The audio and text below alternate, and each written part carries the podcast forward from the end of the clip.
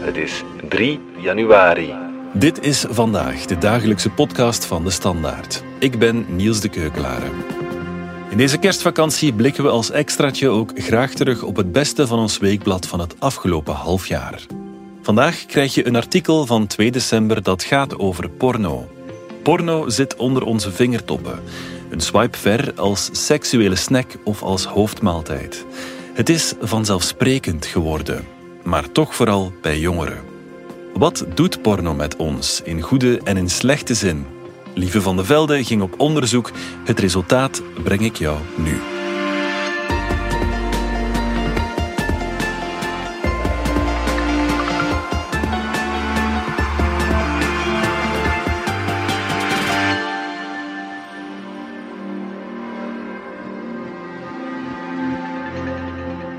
Ik kijk al jaren porno.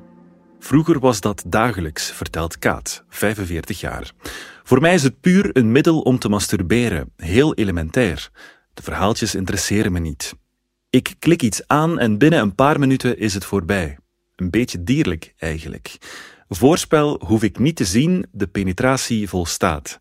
Wanneer ik langer kijk, valt het me op hoe amateuristisch dat gemaakt is en begin ik me te veel vragen te stellen bij de ethische kant van de zaak. Tijdens mijn studie hielp porno om de druk van de examens te verzachten. Het is een gewoonte die blijven bestaan is in mijn werkjaren.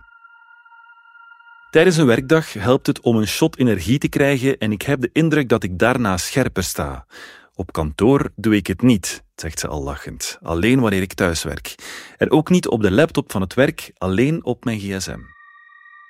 Een taboe op kijken naar porno merk ik niet. Niet bij mijn partners en ook niet wanneer ik er met vriendinnen over praat, ook al doet de helft van mijn vriendinnen er niet aan. De helft masturbeert ook niet, dus dat hangt wel samen. Eigenlijk is dat jammer, net omdat het verrijkend is voor je seksleven, je eigen lichaam en je orgasme.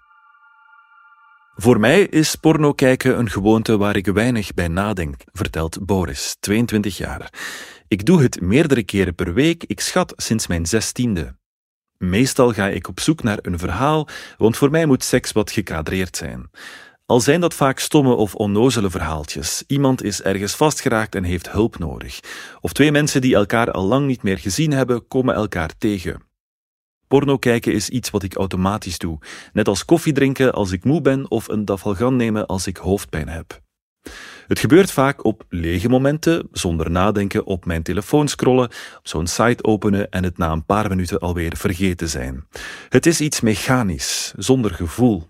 Vaak denk ik nadien, was dat nu wel nodig? Mijn vriendin weet dat ik kijk, zij kijkt ook. Dat is heel oké. Samen kijken hebben we nog niet gedaan, maar ik sluit niet uit dat dat ooit gebeurt. Op zich staat porno kijken los van mijn relatie, het heeft er ook geen impact op. Seks met een partner is iets heel anders, dat is voor mij echt wel verbonden met een romantische vibe. Er is veel waarop ik afknap in porno. De grootste afknapper is het verouderde wereldbeeld. Mensen worden er nog in hokjes gestopt.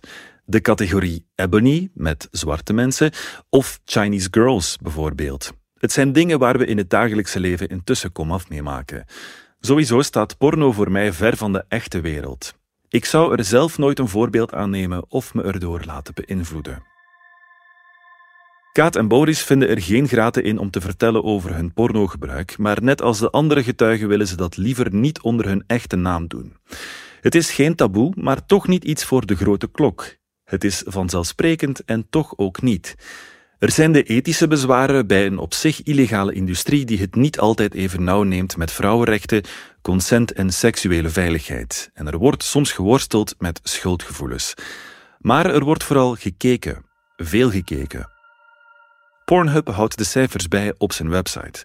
100 miljard views per jaar wereldwijd op Pornhub en dochters YouPorn en RedTube. Het komt neer op 12,5 pornovideo's per aardbewoner. Ze tellen 20 miljoen geregistreerde gebruikers, 74% van de bezoekers is een man, 26% een vrouw. En dat is dan maar één bedrijf, het grootste weliswaar, naast al wat er lokaal wordt aangeboden en naast andere wereldspelers als pakweg OnlyFans. Met wat goede of slechte wil zou je porno de seksuele revolutie van de 21ste eeuw kunnen noemen. Wat in de 20ste eeuw nog een logistiek doe met dvd's en video's was, is nu een swipe op de smartphone. De duim als simpele sleutel naar een schier eindeloze pornowereld. Een eerste belangrijke verschuiving zagen we met het internet, maar het werd pas explosief met de komst van de smartphone. Dat zegt Laura van den Bos van de School voor Massacommunicatie Research aan de KU Leuven, waar ze al ruim tien jaar onderzoek doen naar pornografie. Ze zegt, en dat laat zich vooral voelen bij de jongere generaties. Uit onderzoeken blijkt dat van de 12-jarigen 38,5% van de Vlaamse jongens en 30% van de meisjes zegt dat ze de voorbije zes maanden naar porno hebben gekeken. Op 17 jaar is dat 89% van de jongens en 50% van de meisjes. De meisjes zijn dus duidelijk aan een inhaalbeweging bezig, want in 2010 was dat nog maar 12% van de 17-jarigen. Dat laatste is een interessante verschuiving, ook al omdat het nieuwe onderzoeksvragen op de kaart zet. Als porno meer vrouwelijke kijkers krijgt, heeft dat dan een impact op de aard van de porno? Zal iets dat nu nog overwegend klassiek mannelijk geïnspireerd is, verschuiven naar meer vrouwelijke waarden? Dat soort inhoudsanalyse willen we graag maken, zegt ze. De verjonging ziet ook uroloog Gunter de Win van het UZ Antwerpen. Hij stelt het vast in zijn praktijk en eigen onderzoek, maar vindt ook bevestiging in bredere studies. Hij zegt: de gemiddelde beginleeftijd voor pornogebruik ligt rond 13, 14 jaar. Dat is een gemiddelde, dus er is zeker een groep die er jonger aan begint. We hebben ook zelf onderzoek gedaan naar masturbatie en daaruit leerden we dat 17,7% van onze onderzochte mannen onder de 35 nooit zonder pornografie masturbeert. Wat moeten we daar nu van denken? Is porno nu goed of slecht voor iemands seksbeleving, seksuele functioneren? De Win zegt, tussen de frequentie van masturbatie en erectiestoornissen is bijvoorbeeld nooit een positieve correlatie gevonden. Dat geldt ook voor de frequentie van porno kijken, behalve bij de groep van 1% die dagelijks meer dan een uur kijkt en bij de groep zogenaamd problematische pornokijkers behoort. Dat zijn mensen die obsessief kijken of bij wie porno zo sterk hun leven overheerst dat ze er bijvoorbeeld afspraken met vrienden voor laten vallen. Dat we het vooral niet over porno tout court mogen hebben, waarschuwt hij nog. Je moet naar specifiek gebruik kijken. Is het problematisch, dwangmatig gebruik? Of stopt iemand om de een of andere reden plots met porno kijken en leidt net dat tot erectieproblemen bij masturbatie?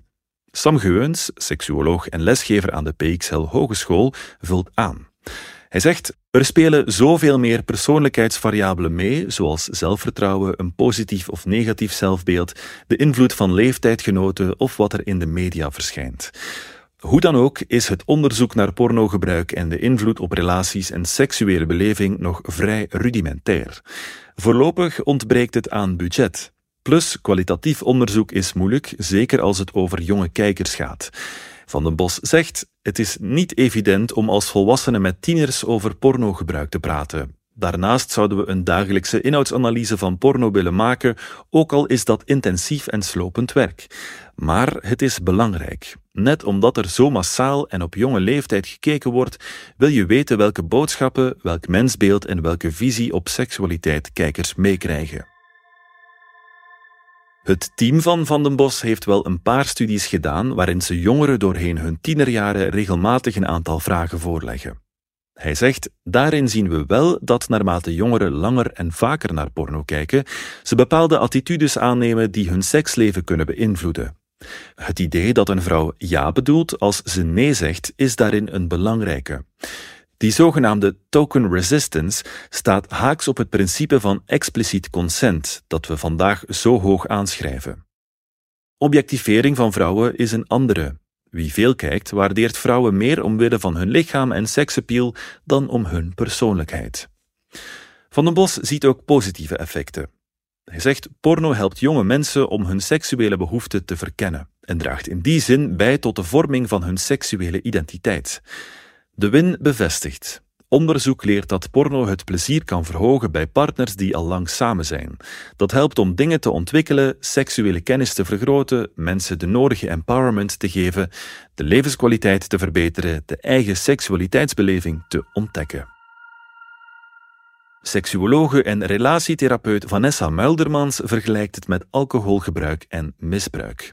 Ze zegt: genieten van een glas wijn is iets anders dan de hele tijd aan een fles hangen. Bij gezond gebruik kan porno inderdaad een relatie verbeteren. Daarom zetten we het regelmatig in in relatietherapie om partners met elkaar over seks te leren praten. Porno is niet het echte leven. Wat er gebeurt is in scène gezet. De erecties zijn opgepompt, de kreten van enthousiasme zijn geacteerd. De lichamen zijn afgetraind, misschien zelfs digitaal bewerkt. Het is film. En toch laten kijkers zich vaak meeslepen in de illusie. Melderman zegt: Ik zie in mijn praktijk mensen die zichzelf op die manier opzadelen met een totaal vertekend beeld van wat seks is en zou moeten zijn. Ze spiegelen zichzelf aan een onrealistische norm, lopen vast en komen in een spiraal van onzekerheid terecht. De Win geeft een typisch voorbeeld. Een jongen komt op consultatie met erectiestoornissen. Hij vertelt hoe hij vrijt met een meisje, opgewonden raakt, een perfecte erectie heeft, toestemming vraagt om een stapje verder te gaan. Hij begint het meisje te stimuleren en verliest zijn erectie.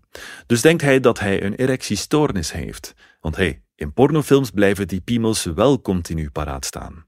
Dan moet ik hem duidelijk maken dat er wellicht niets aan de hand is met hem. Dat porno fake is, een film waarin acteurs een prik of een pilletje gehad hebben, terwijl bij hem zo'n erectie het gevolg is van verschillende factoren uit het echte leven. Daarover praten helpt vaak al. Wanneer ik hem vraag naar wat er gebeurt wanneer dat meisje zijn penis weer aanraakt en stimuleert, beseft hij dat hij geen erectiestoornis heeft. De combinatie van opwinding en aanraking is belangrijk. Rika Ponet, relatietherapeut en seksuoloog, ziet een parallel met de manier waarop we wel eens naar romcoms durven kijken. Ze zegt: Er zijn nog steeds mensen die denken dat relaties beginnen zoals in The Holiday of Notting Hill. Net zo zadelt porno ons op met een onrealistisch beeld van wat seks is. Voor mij zijn dat twee kanten van dezelfde medaille. Het zijn allebei verenigingen van de werkelijkheid, fictieve verhalen die zich als eenzijdige scenario's in ons hoofd nestelen en waartegen de ene zich al beter kan wapenen dan de andere. Mensen die veilig gehecht zijn en thuis een gezond relatiepatroon hebben gezien, laten zich daar bijvoorbeeld veel minder in meeslepen. En dan is er nog het onrealistische, opgepompte lichaam dat vaak in porno neergezet wordt en dat intussen ook via sociale media en de plastische chirurg het gewone leven is binnengecijpeld. Louis, 43 jaar, betrapt zichzelf daar ook op, al weet hij beter. Hij zegt: Ik kijk nogal veel porno, denk ik. Een keer of drie per week. Ik schaam me er ook niet voor. Onder vrienden praten we er open over. We wisselen ook links uit. De aard van de porno is toch in de homowereld de laatste jaren erg veranderd. Er is een verschuiving van pornostudio's naar individuele acteurs die bijna als influencers hun seksleven tonen, waarop je je kunt abonneren op OnlyFans bijvoorbeeld.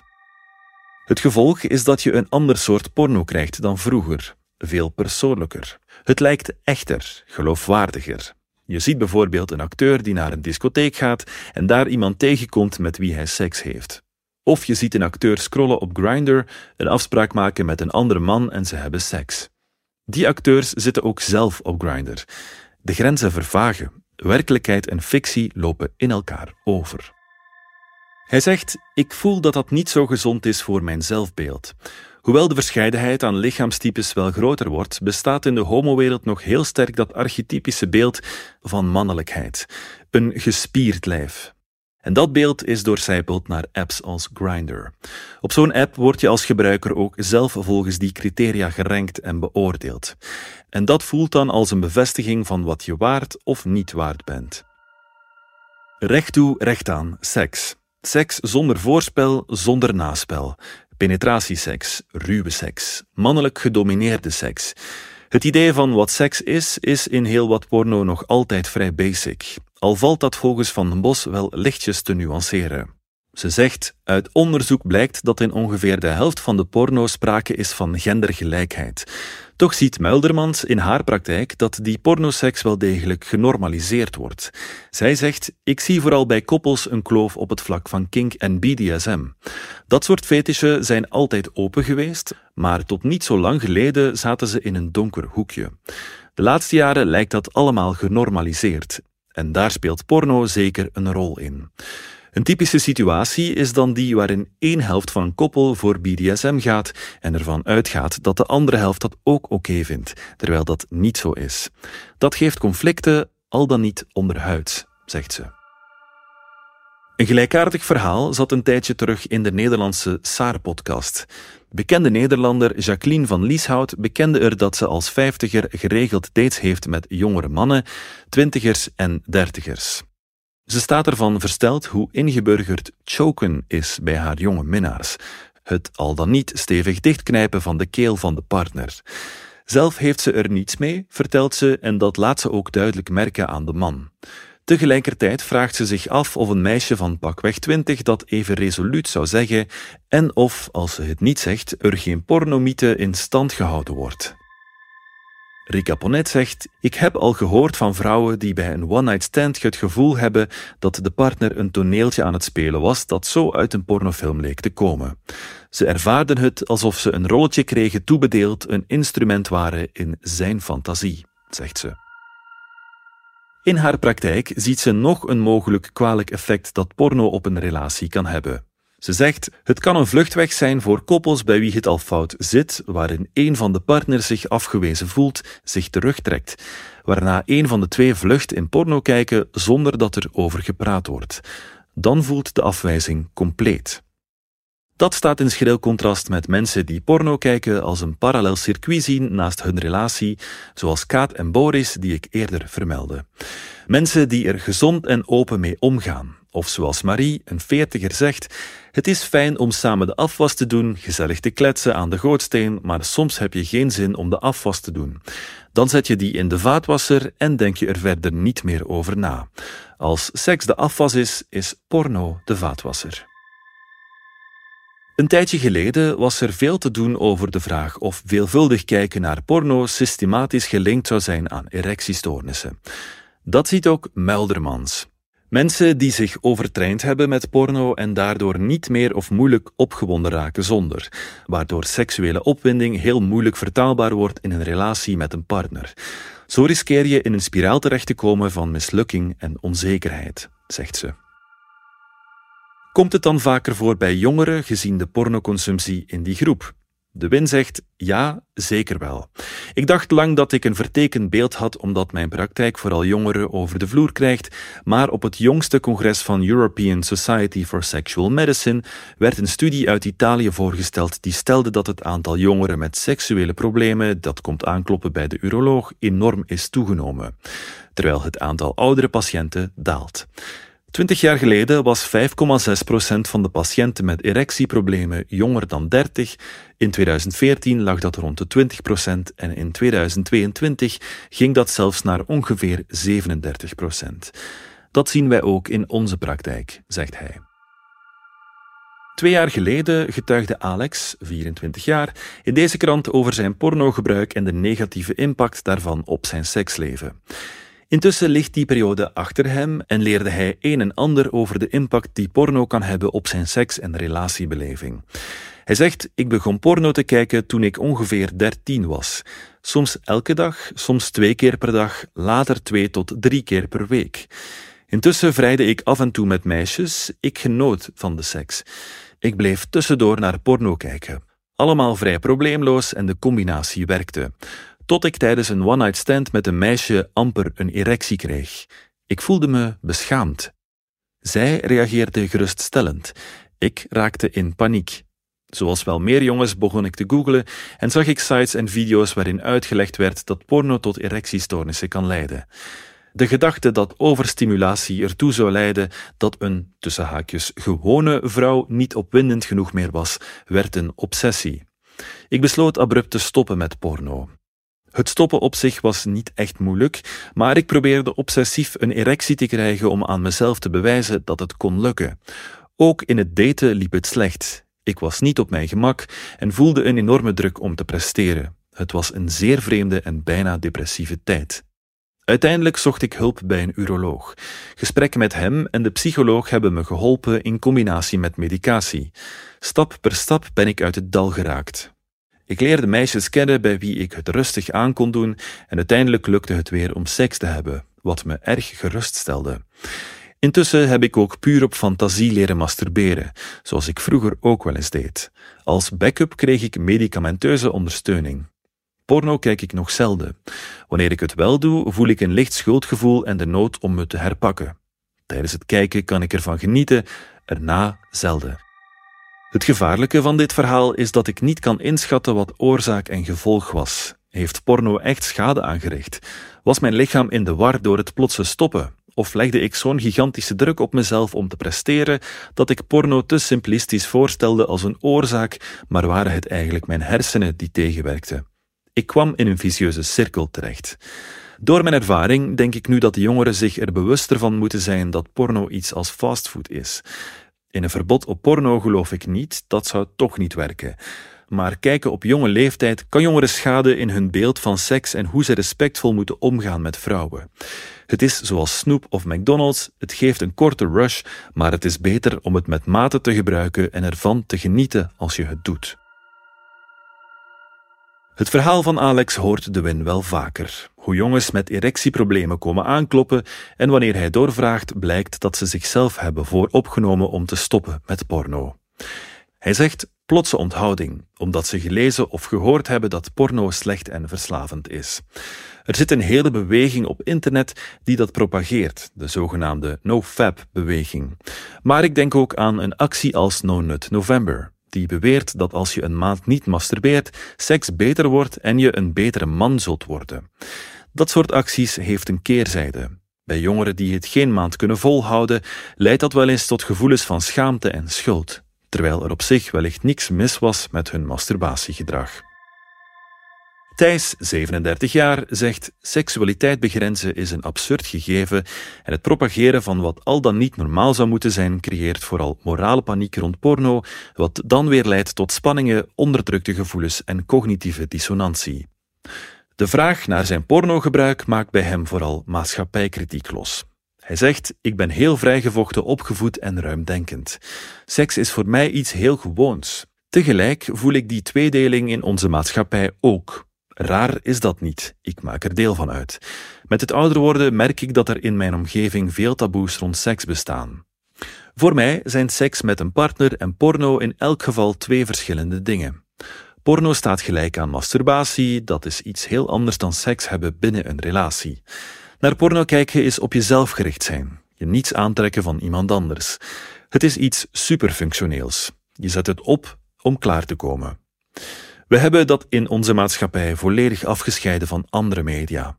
Ik heb vijf streamingdiensten en daar is bij wijze van spreken geen tepel op te zien, zegt hij. De maatschappelijke hypocrisie laat ook de win niet koud. Hij maakt zich druk wanneer hij het heeft over de gesprekken die hij heeft met jongens die bij hem op raadpleging komen met erectiestoornissen. Hij zegt: Bij een aantal jongens is er een onderliggende oorzaak en die moeten we aanpakken. Maar bij veel jongens stellen we niet echt een erectiestoornis vast.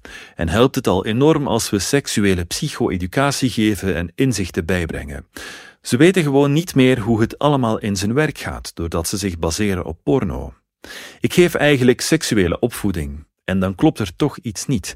Als ze in Wallonië een groeiproject opzetten om goede seksualiteitsopvoeding te geven, dan worden er scholen in brand gestoken. Het is hoog tijd dat we ons als maatschappij afvragen waar we nu eigenlijk naartoe willen. Gaan we de hele seksualiteitsbeleving weer in een taboehoekje steken? Of gaan we er open over communiceren, zegt hij. Het is een verzuchting die we nog een paar keer horen. Hoe seksuele voorlichting achterloopt op het reële gebruik van porno hoe gezond omgaan met porno deel zou moeten uitmaken van de voorlichting, zowel bij jongens en meisjes, zodat er een pornowijze volwassen generatie komt. Porno is er. Het is een stap geworden in de seksuele ontwikkeling, zegt Geuwens. Daar kunnen we niet meer buiten. Oké, je zou porno kunnen verbieden voor minderjarigen, zoals in Frankrijk op tafel ligt. Maar daar geloof ik niet in. Dat wordt sowieso omzeild. Dus we moeten daar als maatschappij op inspelen en mensen van de nodige vaardigheden en kritische reflexen voorzien die de kans verhogen dat dat pornokijkgedrag een positieve invloed heeft op hun seksuele ontwikkeling. Het liefst al zo jong mogelijk, zegt hij. Van den Bos vult aan, zodat ze kritische vragen stellen bij wat ze voorgeschoteld krijgen, zoals: is het wel oké dat die vrouw nee zegt en er toch seks van komt? Die reflectie is belangrijk om te vermijden dat dat soort denkbeelden zich nestelen in hun geest. Geuns vult aan, jongeren weten heel goed dat ze niet in een auto rijden zoals dat in de game Gran Turismo gebeurt. Nu moeten ze leren dat je niet vrijt zoals in een pornofilm. Dit was vandaag de dagelijkse podcast van de Standaard. Bedankt voor het luisteren. Volg ons op Spotify, Apple Podcast of eender welk ander podcastplatform. Alle credits van de podcast die je net hoorde vind je op standaard.be-podcast. Reageren kan via podcast.standaard.be.